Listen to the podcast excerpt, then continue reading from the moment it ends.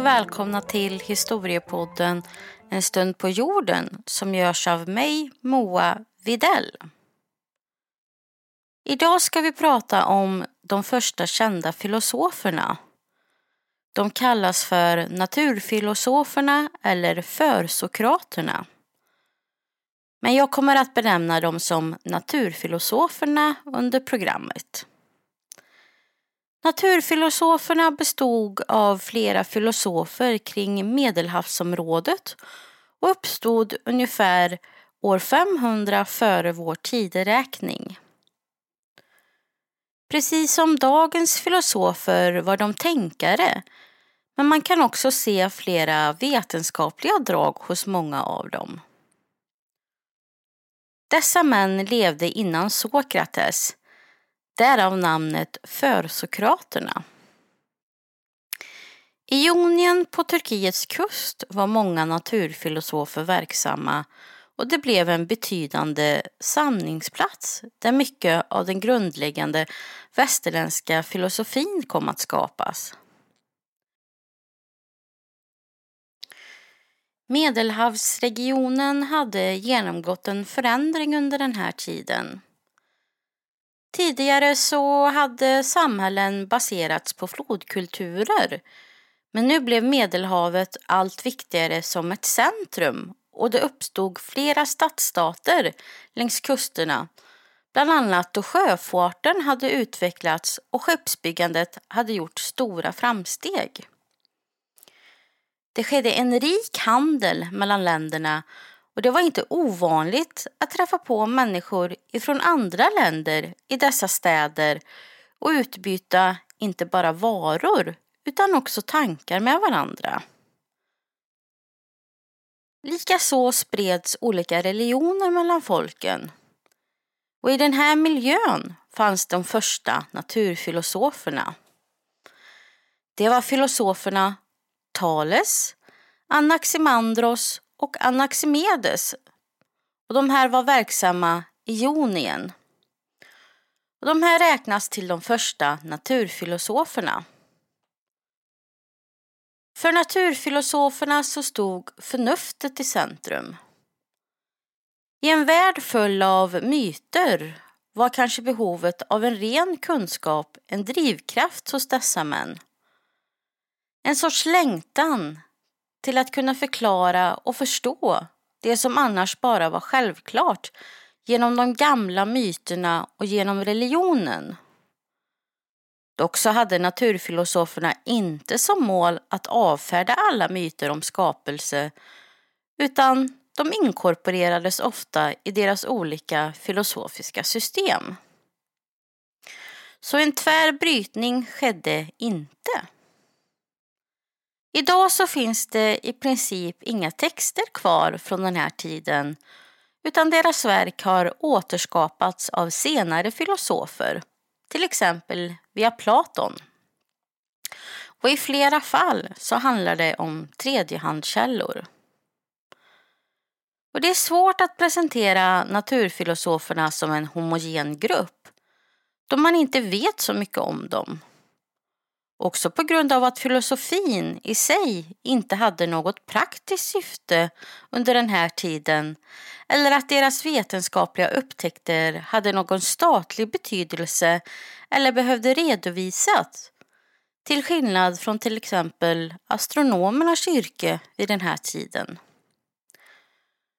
Att vara filosof var således inget yrke utan kanske mer kunde ses som ett levnadssätt. Naturfilosoferna förde olika tankeprocesser i sina resonemang. Ofta skapade de teoretiska konstruktioner när de talade om deras filosofiska system. I deras resonemang kunde man finna betydelsen av olika geometriska former som ett fenomen i sig. Men förnuft var den viktigaste egenskapen för filosoferna. Att med sitt inre öga kunna förstå och förklara de stora frågorna som till exempel den bestående naturen.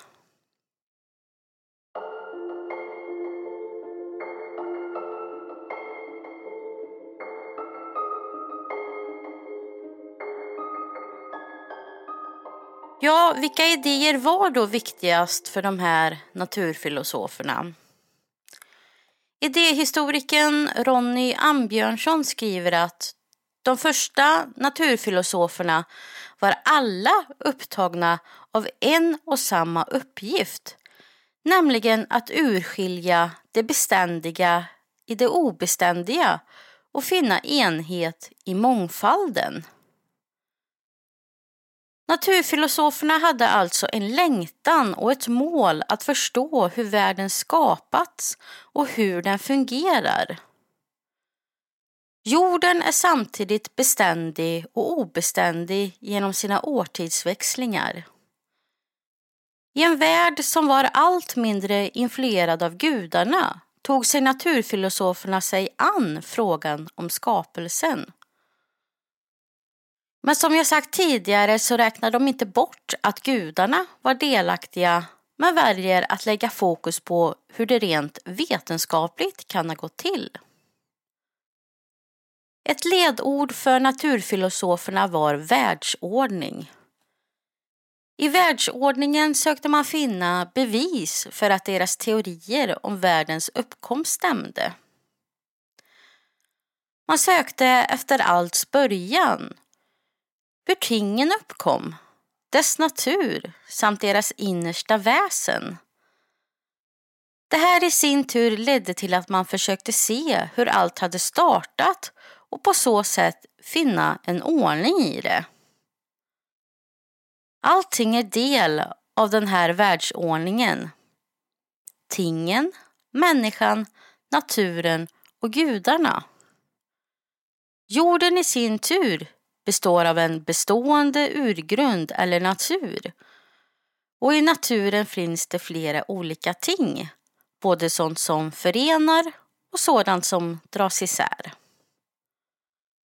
Men naturfilosoferna hade inte alla en och samma förklaring till världens uppkomst, utan det skilde sig åt.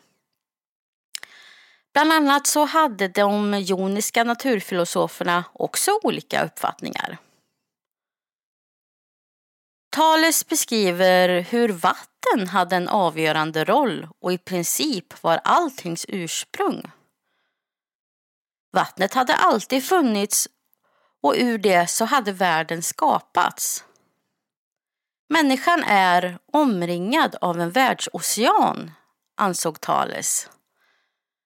Vatten är viktigt för kulturen. Det kommer i olika former, som exempelvis ånga och is. Och det är receptivt när man vill tillföra något i det, som till exempel smak eller färg samt att det kan akklimatisera sig och ändras beroende på vilken miljö det fanns i. Anaximedes talade istället om luften som ett sorts urämne där luft antingen dras ihop eller pressas ihop och på så sätt har världen skapats. Han förklarar att själen består av luft som i sin tur håller ihop kroppen. Världen är liknande och lika levande som en människa.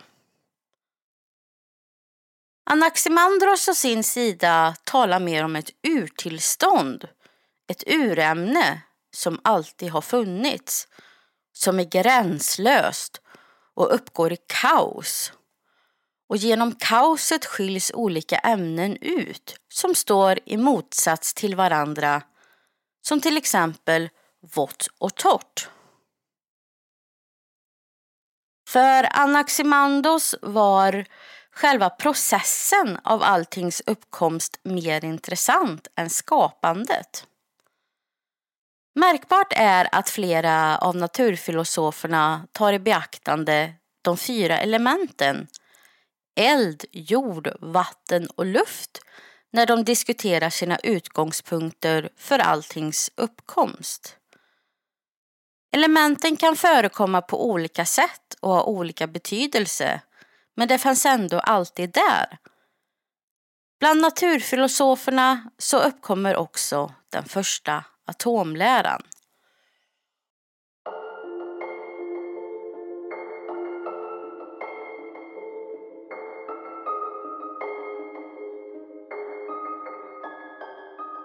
En naturfilosof som känns igen via dagens matematikundervisning är Pythagoras och hans matematiska sats.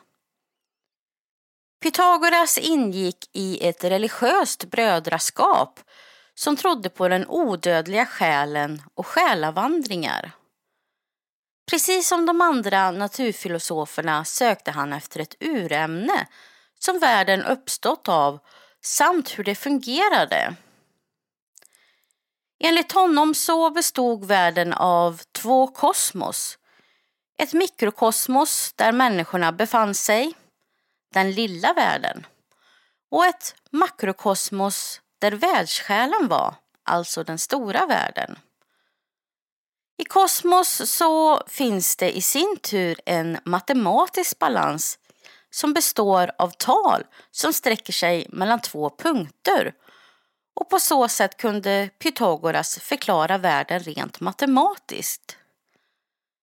Likaså kunde människors förhållande förklaras via matematiska tal. Geometriska former var också viktiga för Pythagoras och han visade ofta med småsten som han drog linjer emellan hur sådant kunde uppstå, till exempel två stenar mellan en linje, tre stenar yta och fyra en kropp. Ambjörnsson skriver att Pythagoras också använde musik för att förklara och förstå sina teorier genom att se hur harmonier och sekvenser fungerade tillsammans. Pythagoras ansåg också att jorden var rund, vilket var den absolut vackraste formen. Hans religiösa bakgrund kan grunda sig i att han talade om hur man på rätt sätt ska leva sitt liv. Något som senare filosofer lagt mycket stor grund vid och som vi diskuterar än idag. En intressant tanke som Pythagoras hade var den om de två sidorna i ett ömsesidigt samhälle. Det handlade om udda och jämna tal. Mannen tillhörde det udda talet och kvinnan det jämna. Det udda talet fick mer positiva egenskaper medan det jämna tillskrevs gränslöshet och mörker. Allt sker i motpol till varandra. Och den här negativa kvinnosynen kan ses ha influerat många under världshistorien. Att kvinnan är det sämre och svagare könet. Bland annat så ser vi spår av det i Aristoteles verk Politiken och inte minst i Bibelns tal om arvsynd. Pythagoras matematiska idéer om kosmos och talens betydelse har influerat vetenskapsmän som Kepler, Copernicus och Galileo då de också beräknade matematiskt när de forskade kring universum. De delar också en liknande astronomisk världsbild där man talar om jorden som en himlakropp som ingen annan rör sig omkring i rymden. Trots att Pythagoras la in en värderande aspekt i sitt tänkande så har hans praktiska lösningar på matematiska problem fortsatt att fungera in i våra dagar. Rent filosofiskt så förespråkade Pythagoras att man först och främst måste gå in i sig själv för att förstå de större sammanhangen. Att se sin egna struktur innan man såg kosmos.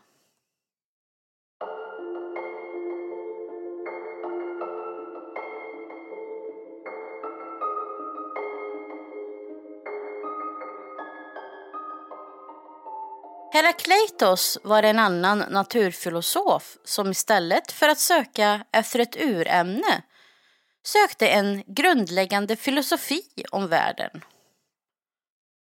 Många filosofer hade tidigare sökt efter ett urämne och bekymrats över världens föränderlighet och hur man skulle förklara den. Herakleitos tyckte dock att den föränderliga aspekten inte var ett problem utan en verklighet som man måste förstå. Och han ska ha sagt Världen ska inte i första hand förknippas med verbet vara utan med bliva. Herakleitos förespråkar som Pythagoras att man måste gå in i sig själv för att förstå tillvaron.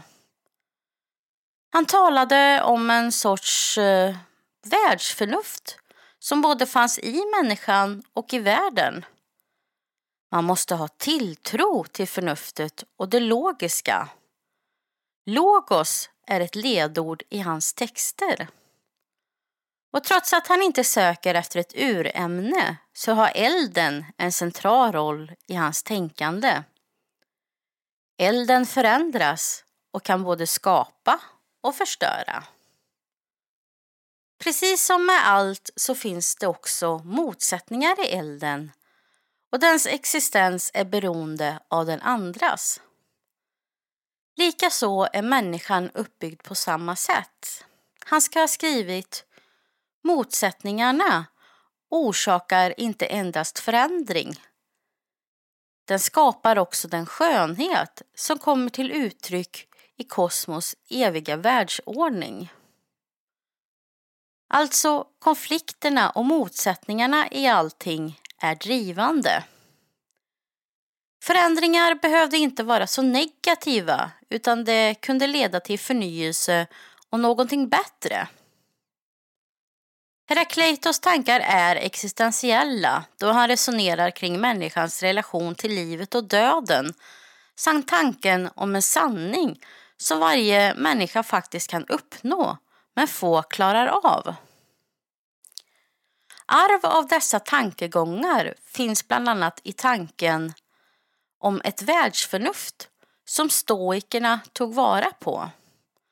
Han har också influerat till naturrättsläran som blev populär på 1600-talet och 1700-talet med sin förklaring av hur naturen fungerar och förändras. Han har också influerat mer nutida tänkare som bland annat Nietzsche som har funnit en betydelse av Herakleitos existentiella tankegångar.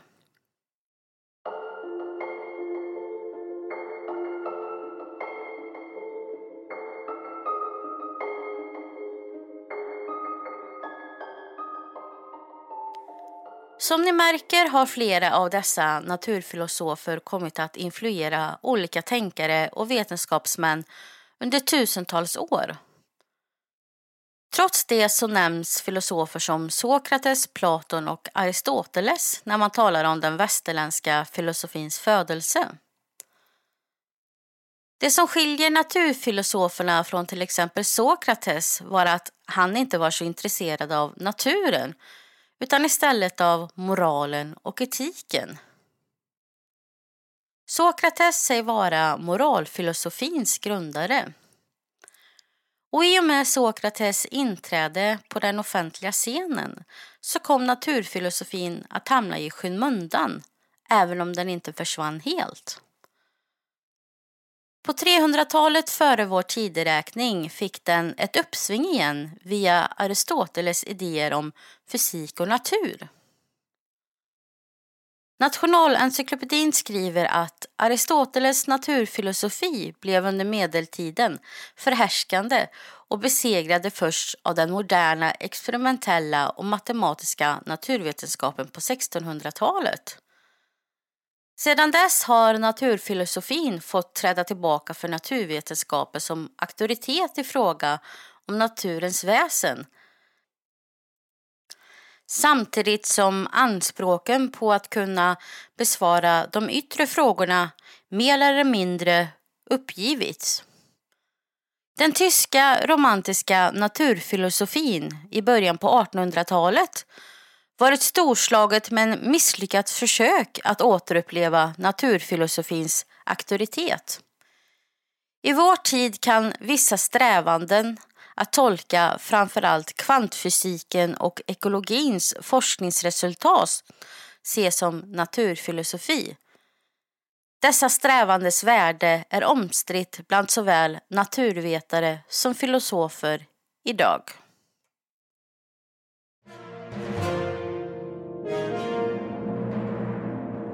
Vet du faktiskt en sak. Richard Nixon var en riktigt duktig musiker. USAs 37 president, den enda presidenten som avgått från sitt uppdrag, var faktiskt en extremt begåvad musiker. Han spelade fem instrument totalt. Piano, saxofon, klarinett, dragspel och fiol. Tack för att ni har lyssnat på veckans avsnitt. Jag vill önska er alla en fin tredje advent och Lucia och hoppas att vi hörs snart igen.